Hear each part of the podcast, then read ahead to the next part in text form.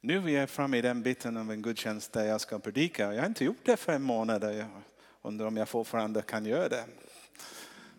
Man blir lite rustig. Eh, jag har varit på semester och eh, det var väldigt kul att komma tillbaka och se nya människor eh, som sitter där och, och Sonja, var sitter hon? Eller var hon där lite stund sedan? Ja, jag vet inte. Alltså, se nya människor som kommer bara när man har varit borta några veckor på semestern. Nu har jag eh, valt en bibeltext ur en översättning som kallas för The Message.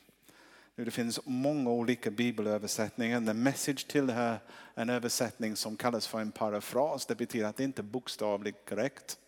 Men det försöker sammanfatta vad den ursprungliga text säger på ett väldigt begripligt och lätt sätt. Eh, och jag tog fram min message eh, för, för några dagar sedan och började läsa igen och, och bli så välsignad av den. Så jag tänkte, ah, det måste man använda. Så, så jag bad Emil faktiskt skriva ut det. För, eh, så här går det. Häng med, försök att följa texten så ni lever i det. Det var inte länge sedan ni satt stenhårt fast i syndens träsk.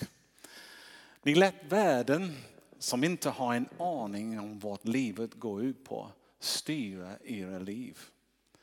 Ni andades in otrons giftiga luft och andades ut ohörsamhet. Det gjorde vi alla. Vi gjorde vad vi fick lust till när vi kände för det. Vi satt alla i samma båt. Det är ett under att Gud inte tappade tålamodet och gjorde sig av med oss, hela bunten. Istället, istället slöt han oss i sin famn med offentligt lidande och ofattbar kärlek. Han tog våra liv som synden hade dödat och gav oss liv på nytt tillsammans med Kristus. Man kan ibland säga halleluja när man läser det. Han tog våra liv som synden hade dödat och gav oss liv på nytt tillsammans med Kristus. Det gjorde han helt på egen hand utan vår medverkan. Sedan reste oss upp och satte oss ner i det himmelska tillsammans med Jesus, vår Messias.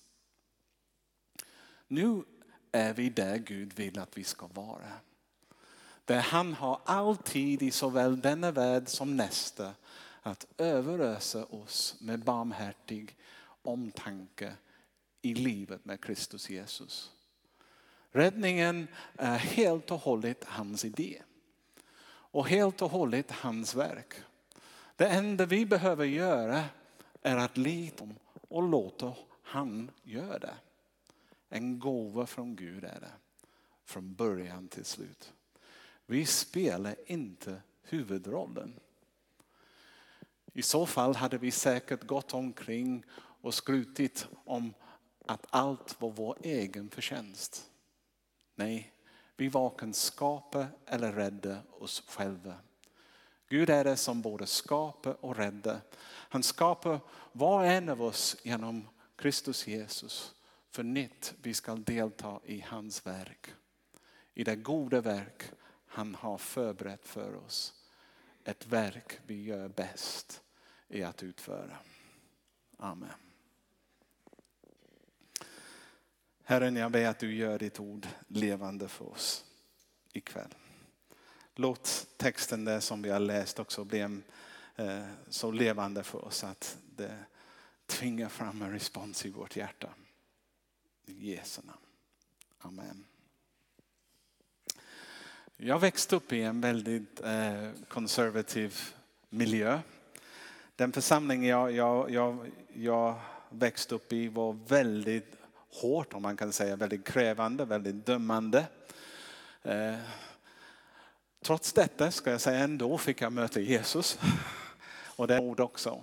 Men det också påverkar mig lite grann också i, eftersom det var den kultur, den kristen kultur som jag andades in i. Och jag fick många tillfällen, även som ung kille i skolan, att vittna om min kristen tro. För det hade jag lärt mig i kyrkan. Jag ska alltid vara beredd att säga något om min tro om jag fick tillfälle. Och eh, då när jag gick i skolan, lärare ibland frågade om, och de visste att jag var kristen eller sånt. Och de ställde frågor, vad är en kristen för något Andrew? Och hur dumt det än så låter som nu, jag alltid utgick ifrån att ja, vi kristna vi är bättre än alla andra. Eh, och eh, på något sätt, mitt svar när jag fick en sån fråga skulle försöka förklara för andra eh, varför vi var bättre. Så ofta när jag fick möjligheten i klassen, och jag säger det var flera gånger, jag skulle börja säga vi röker inte. Vi dricker inte alkohol. Och vi svär inte. Och vi ljuger inte. Undertonar att ni alla andra gör det. Som inte var så bra heller. Jag är inte säker att min svar uppskattades av många.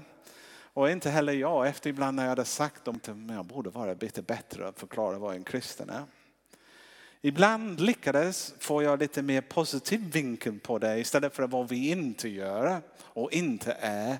Skulle jag försöka förklara för dem vem vi är. Och jag skulle säga ja, vad, vad vi gör istället, inte vad vi inte gör, vad vi gör. Och jag skulle säga saker, men vi läser Bibeln. Och vi tror att Gud talar genom det. Mm, det var bra, eller hur? Det är värt att säga. Och säga, vi tror på Gud helt enkelt. Vi tror på Jesus som den enda vägen till Gud. Och sen säger vi ber. Och vi tror att vi kommer till himlen när vi dör. Och vi går i kyrkan på söndag och vi hjälper folk. Och ändå försöker framhäva att jag är så mycket bättre på grund av att vi sköter oss på den biten också. Men men om jag är ärlig, innan dessa förklaringar som, som jag talade ut, satt ord på det som Gud gjorde på insidan av mig. Eh, eller kunde inte ens beskriva, eller börja beskriva den erfarenhet av Gud som jag hade redan fått. Även som en 10-12-åring. Jag har sagt det många gånger, alla som, som jag förberedde för sånt, när jag döpte mig när jag var 11 år eller tio, tror tio förlåt. Och eh, jag minns efteråt också för flera månader efter jag låg i min säng på natten och bara låt Gud bara skölja över mig. Jag kände honom så nära, jag kunde nästan röra vid honom. Och jag upplevde också så mycket inre bekräftelse av hans, hans närvaro. Så jag hade allt detta och sen försökte jag när folk frågade mig, vad är det som du tror på Andra? Och jag bara kom ut med massa dömda ord eller väldigt begränsad förklaringar eh, som de säkert fick ingen hjälp av faktiskt. Ibland undrade jag om jag hade hindrat dem eller, eh, eller faktiskt hjälpt dem med mitt svar. Kanske jag satt någonting i vägen som fanns inte där i början. Men det gjorde det ännu svårare för dem att ta emot sin tro. Ta emot Jesus som, din egen, som deras egen frälsare. Jag ska säga, man får tacka Gud att det äldre man blir, det smartare man blir. Och det, det behöver man inte bli jättegammal. Och det är det med insikt som den helige ande är väldigt bra att ge dig. Han tar vad du gör, han dömer inte så mycket. Men han kommer längs sidan av dig och säger, det var inte så bra Andrew. Pröva med detta istället. Och sen ja, när jag var lite senare tonåring började sluta gärna att försöka driva min tro på vad jag gör eller vad jag inte gör. Och börja försöka använda relationell termer istället för att, att, att göra det. Jag skriver här, med, med åren lärde jag mig att det går inte att försöka beskriva en kristen enbart utifrån vad de gör eller inte gör. Mest för att vad vi gör eller inte gör egentligen är frukt av det som har redan skett inom oss. Eh, och det är det som vi ska komma åt på något sätt när vi försöker beskriva vad en kristen är. Vad är det som har hänt? Att det leder till en viss handling eller en inriktning som även om man tror att man är bättre inte är i alla fall vill vara bättre. Och vill vara till välsignelse även om man är klumpig och dum vad är orsaken till det? Att vara kristen. Och då kommer vi närmare oss till det som, som vad, han, vad en kristen är för något. Om någon skulle ställa fråga. Det är betydligt mer hjälpsamt att beskriva en kristen utifrån en relation till Gud än att vad vi gör eller inte gör. Jag, jag, typ, lite exempel jag skriver. En kristen är någon som har bjudit in Jesus i sitt liv. Det är en relation. En kristen är någon som, som har, har verkligen tagit ställning. Så jag vill att du är en del av mitt liv. Jag vill att du kommer in. En kristen är någon som har en relation med Gud, som pratar med Gud och som hör honom också prata tillbaka. När man säger en kristen är, är Guds barn. En del av familjen. Ja, en kristen är någon som ingår i en stor familj som har Gud sin far. En kristen lever med Jesus och följer Jesus. En kristen är någon som har försonats med Gud. Den relation som var bruten, den relation som, som hindrats på grund av fel saker har varit lekt. Och en kristen är någon som har tagit emot sin förlåtelse och lever tillsammans med Gud på ett sätt. Sen är en kristen är någon som erfar den heliga ande i sig. Det är Gud själv också inom sig. Och talar till dem. Så fokus är inte på vad vi gör eller inte gör. Eller om vad Jesus har gjort för oss. Och vad han gör just nu. Tänk om vi kunde ha det. Fokusen kristen är vad, vad Jesus har gjort. Det handlar inte så mycket om vad jag har gjort och inte gjort. Det handlar mest om vad Jesus har gjort på korset. Och min räddning det hänger inte på vad jag har gjort eller inte gjort. Dumheter eller goda gärningar. Min räddning hänger på vad Jesus har gjort på korset. Inte på min egen förtjänst. När han dog på ett kors i vårt ställe. När han tog vår synd på sig. Vår skuld till sig. Så att vi kunde gå fri. En kristen är någon som har erfarit det. Som har varit med om det. Det är nämligen, och jag ska säga att det är nämligen så att det är enbart i relation till Jesus. Enbart utifrån en relation till honom att det överhuvudtaget möjligt att prata om vad en kristen är för något. Vi kan inte ens diskutera vad en kristen är utan Jesus. Utan han finns där i, i allt som vi beskriver. Och sen har jag tänkt också att det är endast i relation till Gud som vi upptäcker vem vi är också. När vi vet vem Gud är, då, då vet vi vem vi är. Om vi inte hittat vår skapare, vi vet inte vad vi är skapade för. Om vi har upptäckt han som formade oss och upptäckt varför han formade oss och vad han hade för avsikt när han formade oss. Då går vi runt och, bara är förlorad. Vi fattar inte varför vi finns till. Vi fattar inte varför jag har ett liv, varför har jag känslor, varför jag har fått armar, ben och sånt. Vad är meningen med mitt liv överhuvudtaget?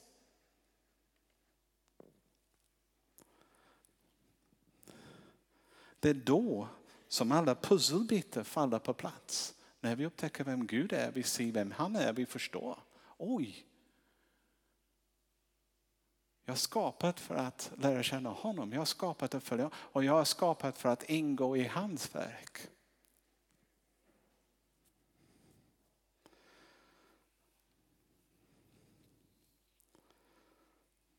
Och vi kan bara finna meningen med vårt liv när vi också ingår i hans familj, i hans församling. För ingen av oss var skapad som individer. Gud tänkte inte jag bara forma dig som någon speciellt. Han har format dig för att ingå i hans familj. Och när man inte fattat det, om man bara lever sitt liv som om du är en individ, som allt kretsar runt dig och dina önskan eller dina känslor eller vad du har lust till eller inte. Då vet du inte vad livet handlar om. Du har inte kommit in i det som du har skapat för. Du har skapat precis som en pusselbit som kan inte stå ensam. Du kommer veta vem du är. Du kommer se mer av bilden när du kopplar in till andra. Och det fler som du kopplar in till, det större förståelse kommer du få. Varför du finns till och vad det finns för uppgifter att genomföra. Nu var jag har just sagt är oerhört radikalt. Och avsaknad av denna erfarenhet är grunden till mycket tomhet. Och mycket avsaknad av mening i livet. Och existens är så mycket mer än liv. De är två skilda saker. Jag existerar men lever jag? Du existerar men lever du också ut det livet som Gud har gett dig? Har du upptäckt nyckeln till livet som är Jesus Kristus? Har du gett honom nyckeln till ditt hjärta? Har du sagt som vi sjöng i början, kom. Eller bjudit in honom. Om vi saknar den delen och bara pratar om församling som en begrepp utan den levande relationen med Jesus. Församling bara blir en subkultur. Någonting långt är som, som Gud hade tänkt det ska vara. Den plats var vi utöver hans vilja i våra liv. Bibeln faktiskt beskriver liv utan Jesus som att vara andlig död. Låt oss läsa den texten igen. Jag tyckte det var så bra. Vi kan läsa. Det var inte länge sedan ni satt stenhårt fast i syndens träsk. Vilken begrepp. Eller? Det beskriver, det är en tröst. Du, du, sänker.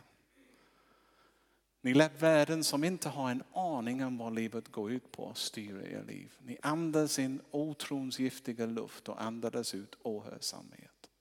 Det gjorde vi alla. Vi gjorde vad vi fick lust till när vi kände för det. Vi satt alla i samma båt. Det är ett under att Gud inte tappade tålamod och gjorde sig av med oss, hela bunten. Istället slöt han oss i sin famn med ofantligt lidande och ofattbar kärlek. Han tog våra liv som synden hade dödat.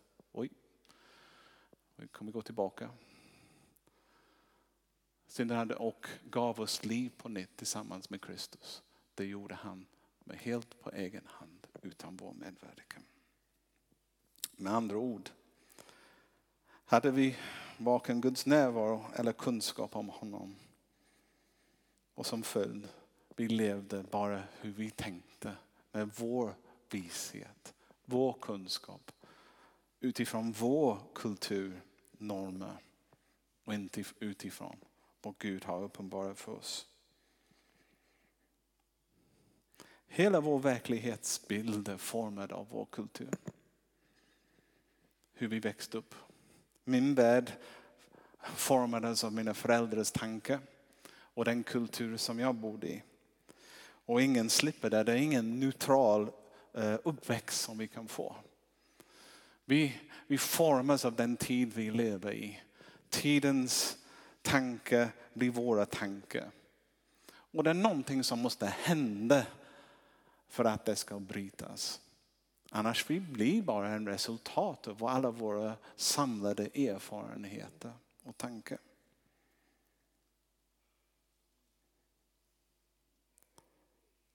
Och detta påverkar hur vi tänker. När vi bjuder in Jesus i våra liv och börjar se verkligheten genom hans ögon, inte genom vår kulturs ögon, då börjar allt förändras. Och Jesus till och med använder denna händelse som, som att, att nästan få ett helt nytt liv. Om vi skulle läsa Johannes 3 eh, när han, han möter Nikodemus. Han säger till honom, du måste vara född på nytt. Han måste säga, du måste börja om. Någonting annat måste födas in dig. Och då är det, det är inte att du kan bli ung igen och börja födas på nytt. Men det är lite grann som en dator som får en uppgradering. Burken ser samma ut men innehållet har ändrats otroligt. Jag gjorde det, min dator gjorde det här om dagen. Jag skulle bara skriva ut någonting snabbt. Jag hade inte så mycket tid och sen plötsligt kom upp det uppdatering pågår. Och du kollar på den lilla, 35 minuter. Jag tänkte 35 minuter, vad ska vi? Och sen, sen ser det inte ut likadant igen. Och då man måste ta extra lite tid att, att lära känna vad det är som, som har hänt eller vad det har ändrats. ändrats. Och vi som människor, vi kan se precis samma ut. Det ser precis ut som vi gör. Det finns ingenting, på utsidan märker du ingenting men på insidan någonting stort har hänt. Och det kommer så småningom också märkas och synas. Och det kommer märkas mest i hur vi tänker, hur vi ser, hur vi hör. Och utifrån vår Guds relation också. När Gud börjar, så vi börjar fatta det och vi börjar ta till oss också. Då börjar en hel ny mappning pågå i vårt huvud. Och man kan tänka, jag kan tänka på, försöka beskriva det, men jag tänkte ge några exempel ur Bibeln och avsluta denna predikan med. Eh, det är lätt att vi hamnar i att tänka utifrån vår egen förnuft, vår egen världsbild och vår egen kultur och missa vad det är egentligen att vara kristen. Och den exempel jag, jag vill ta ifrån är David och Goliat. Det är en berättelse som vi kan läsa i första Samuelsboken eh, kapitel 17.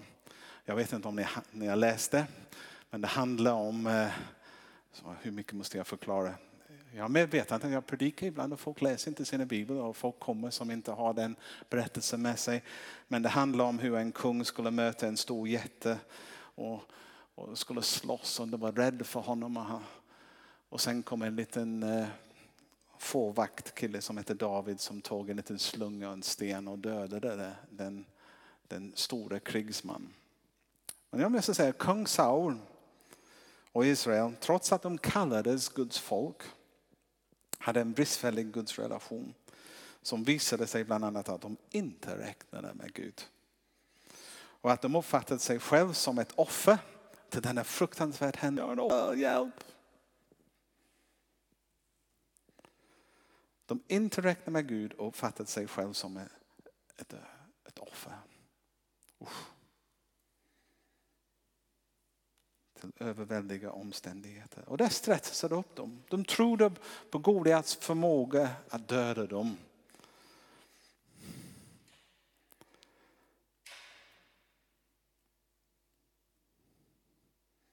De trodde på att döda och de blev skräckslagen. Det står att de blev skräckslagen. De var så rädda för denna mannen att de nästan kunde inte röra på sig.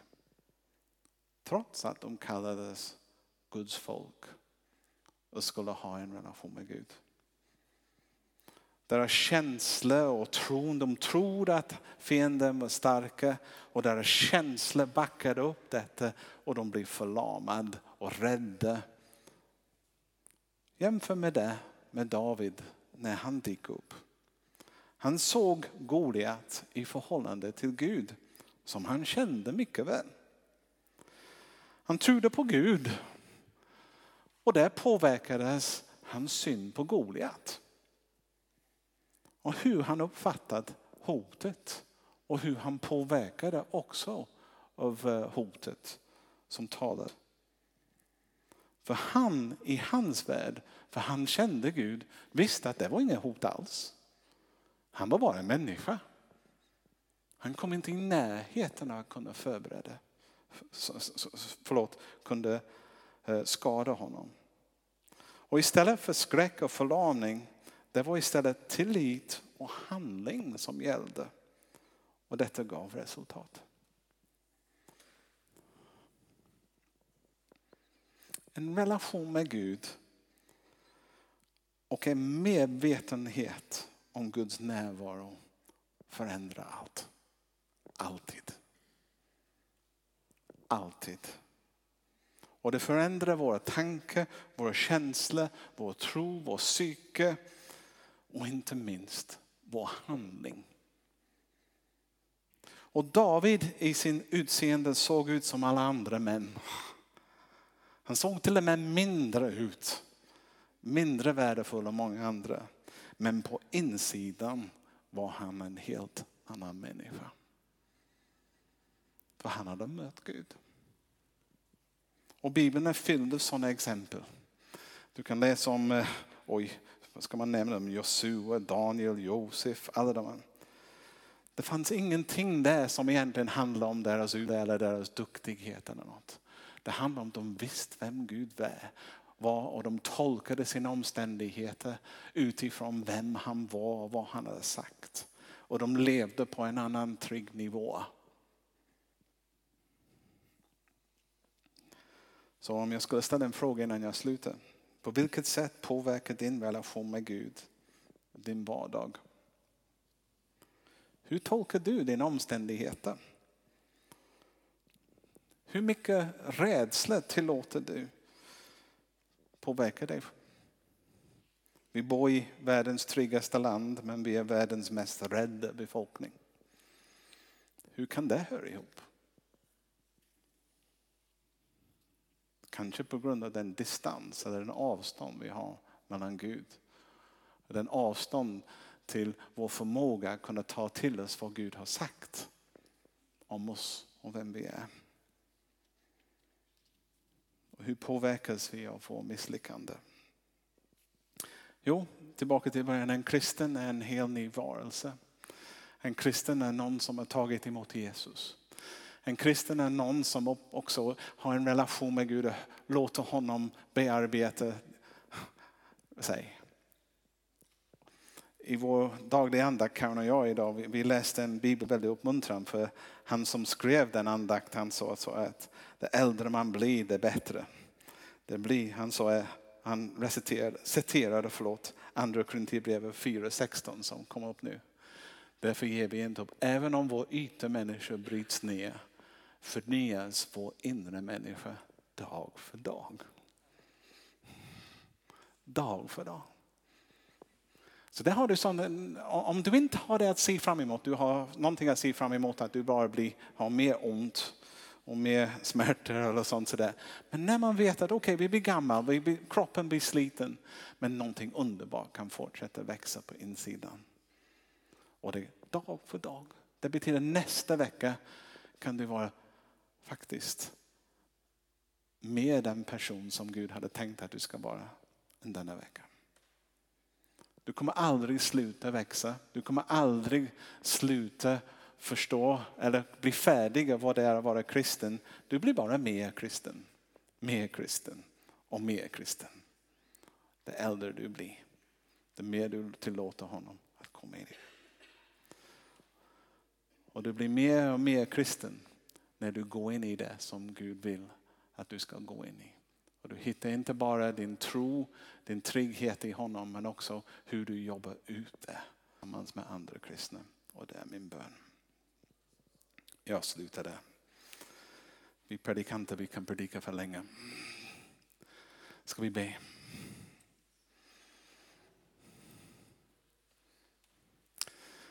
Jesus, jag är inte så säker att vi kan med ord förklara det det frälsningsverk du gör i vår hjärta. Jag tror inte vi förstår. Jag tror inte vi kan komma till en plats när vi fattar verkligen storheten av det du gjorde på korset. Vi kanske tror att vi fattar det men, men om några månader eller några år efter vi, vi börjar fatta ännu mer av vad det är. Men idag vill vi tacka dig att du dog på ett kors för att ta vår skuld på sig. Att du tog initiativet för att rädda oss så att du öser över oss kärlek, omsorg och godhet. Och vi vill bara mer av detta. Amen. Och jag vill säga till dig också, är du kristen idag som är? Har du tagit emot Jesus som din Herre? Första steget är att ta emot honom. Om du inte gjort det, gör det idag. Jag sitter här framme och vi har förbedjare. Kom Ge ditt liv till Jesus. Då kan du börja förstå vad en kristen är. Och samtidigt när vi står nu och vi går responstid, vi, vi, kan, vi kan sjunga, låt oss stå upp och låt oss tillbe. Men också låt oss be för varandra. Låt oss verkligen söka verkligen Guds vilja för våra liv tillsammans. Amen.